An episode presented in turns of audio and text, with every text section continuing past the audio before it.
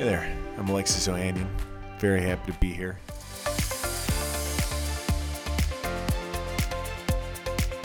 I've had some amazing experiences, and this is a chance to take all those things as an operator, as an investor, as a company builder, as a CEO, as a founder, and put them together to start something new um, and really bring a startup mindset to venture capital. And that's really the spirit of 776. And I'm grateful to be able to work on this now with some amazing folks who I've worked with for quite some time, been in the trenches with, and uh, pretty excited to see what we can do to bring innovation to venture capital.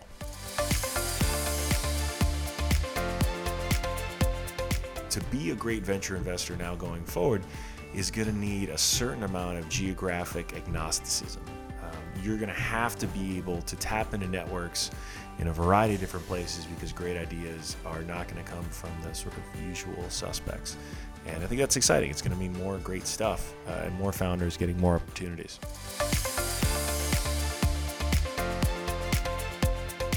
Conferences like this uh, really embody the fact that we are still in a truly global world. And even as things are getting more fractured, uh, it's opening up new opportunities, right? I'm seeing investments in parts of the, the world now where, as new infrastructure is getting created, as, as countries are really looking internally now to start building software solutions for and by the residents of those countries, you know that's going to it's going to open up a ton of opportunities to take things that work in the states, for instance, and just repurpose them, uh, reinvent them for local markets. And uh, you know, as capital continues to move freely all over the world, we're going to find opportunities wherever they might be. So, very excited. I'm very grateful to have been a part of this. I know I've got some new Twitter followers out of it. I'm looking forward to keeping up with all of you. So, be well, be safe. Thank you for having me.